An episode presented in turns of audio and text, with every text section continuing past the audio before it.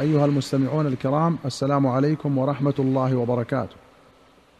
في باب أحكام الحج أخرج مسلم عن عائشة أن أسماء بنت عميس نفست بمحمد بن أبي بكر بالشجرة وفي رواية بذي الحليفة فأمر النبي صلى الله عليه وسلم أبا بكر أن يأمرها أن تغتسل وتهل. قال النووي نفست أي ولدت. قال القاضي يقال نفست أي حاضت أيضا. وكذا ضحكت وأكبرت بمعنى حاضت. وفيه صحة إحرام النفساء والحائض واستحباب اغتسالهما للإحرام وهو مجمع عليه. وسيأتي إن شاء الله قول النبي صلى الله عليه وسلم اصنعي ما يصنع الحاج غير أن لا تطوفي. وفيه أن ركعتي الإحرام سنة ليستا بشرط لصحة الحج لأن أسماء لم تصلهما. وأخرج البخاري ومسلم عن عائشة رضي الله عنها قالت كنت أطيب النبي صلى الله عليه وسلم بأطيب ما أجد قبل أن يحرم ثم يحرم. ويوم النحر قبل أن يطوف بالبيت بطيب فيه مسك. وفي رواية قالت طيبت رسول الله صلى الله عليه وسلم بيدي بذريرة في حجة الوداع للحل والإحرام. الذريرة ضرب من الطيب مجموع من أخلاط. وفي أخرى قالت طيبت رسول الله صلى الله عليه وسلم بيدي هاتين حين أحرم ولحله حين أحل قبل أن يطوف وبسطت يديها. وفي رواية قبل أن يفيض بمنى. وفي أخرى كنت أطيب رسول الله صلى الله عليه وسلم بأطيب ما أجد قبل أن يحرم ثم يحرم حتى أجد وبيص الطيب في رأسه ولحيته أي بريق الطيب. وفي أخرى قالت كأني أنظر إلى وبيص الطيب في مفارق رسول الله صلى الله عليه وسلم وهو محرم. وفي أخرى قال محمد بن المنتشر سألت عبد الله بن عمر عن الرجل يتطيب ثم يصبح محرما فقال ما أحب أن أصبح محرما أنضح طيبا. لأن أطلي بقطران أحب إلي من أن أفعل ذلك. فدخلت على عائشة فأخبرتها بقول ابن عمر فقالت عائشة أنا طيبت رسول الله صلى الله عليه وسلم عند إحرامه ثم طاف في نسائه ثم أصبح محرما ينضح طيبا. ينضح أي يفوح. قال المبارك فوري وفيه استحباب التطيب عند إرادة الإحرام وأنه لا بأس باستدامته بعد الإحرام. ولا يضر بقاء لونه ورائحته وإنما يحرم ابتداؤه في الإحرام. وهذا مذهب الشافعي وأبي حنيفة وأحمد وحكاه الخطابي عن أكثر الصحابة. وحكاه النووي عن جمهور العلماء من السلف والخلف والمحدثين والفقهاء رحمهم الله أجمعين. وأخرج مسلم عن ابن عباس رضي الله عنهما أن النبي صلى الله عليه وسلم لقي ركبا بالروحاء. فقال من القوم؟ قالوا المسلمون. فقالوا من أنت؟ قال رسول الله. فرفعت إليه امرأة صبيا فقالت ألهذا حج؟ قال نعم ولك أجر. قال النووي قال عياض يحتمل كون هذا اللقاء ليلا فلم يعرفوه صلى الله عليه وسلم. أو نهارا لكنهم لم يروه صلى الله عليه وسلم قبل ذلك لعدم هجرتهم فأسلموا في بلدانهم ولم يهاجروا قبل ذلك.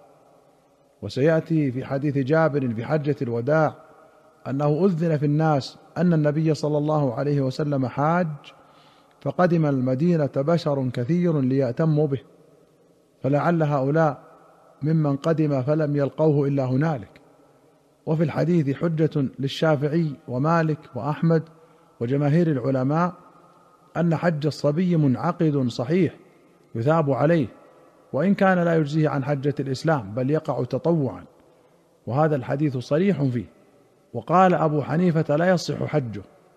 قال أصحابه وإنما فعلوه تمرينا له ليعتاده فيفعله إذا بلغ. وهذا الحديث يرد عليهم. وأخرج البخاري عن السائب بن يزيد قال حج بي أبي مع رسول الله صلى الله عليه وسلم في حجة الوداع وأنا ابن سبع سنين. وأخرج البخاري ومسلم عن عبد الله بن حنين أن ابن عباس والمسور بن مخرمة اختلفا بالأبواء فقال ابن عباس يغسل المحرم رأسه وقال المسور لا يغسل رأسه. قال فأرسلني ابن عباس إلى أبي أيوب الأنصاري فوجدته يغتسل بين القرنين وهو يستر بثوب فسلمت عليه فقال من هذا؟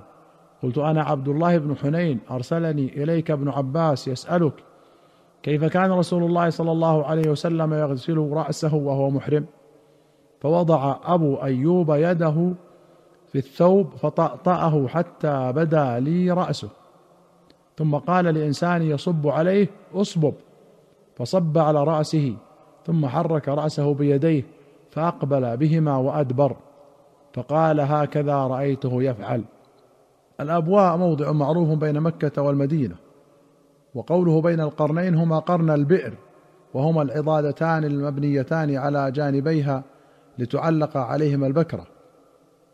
وأخرج مسلم عن جابر بن عبد الله وأبي سعيد الخدري رضي الله عنهما قال قدمنا مع النبي صلى الله عليه وسلم ونحن نصرخ بالحج صراخا وأخرج مالك بسند صحيح عن نافع أن عبد الله بن عمر كان يغتسل لإحرامه قبل أن يحرم ولدخوله مكة ولوقوفه عشية عرفة.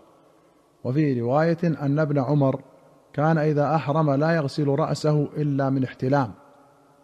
قال الحافظ ابن حجر قال ابن المنذر الاغتسال عند دخول مكة مستحب عند جميع العلماء وليس في تركه عندهم فدية. وقال أكثرهم يجزئ منه الوضوء.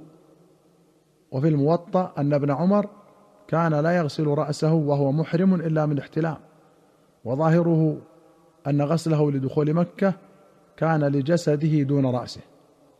وأخرج البخاري ومسلم عن نافع قال كان ابن عمر إذا صلى الغداة بذي الحليفة أمر براحلته فرحلت ثم ركب حتى إذا استوت به استقبل القبلة قائما ثم يلبي حتى إذا دخل أدنى الحرم أمسك عن التلبية ثم يبيت بذي طوى ثم يصلي بها الصبح ويغتسل.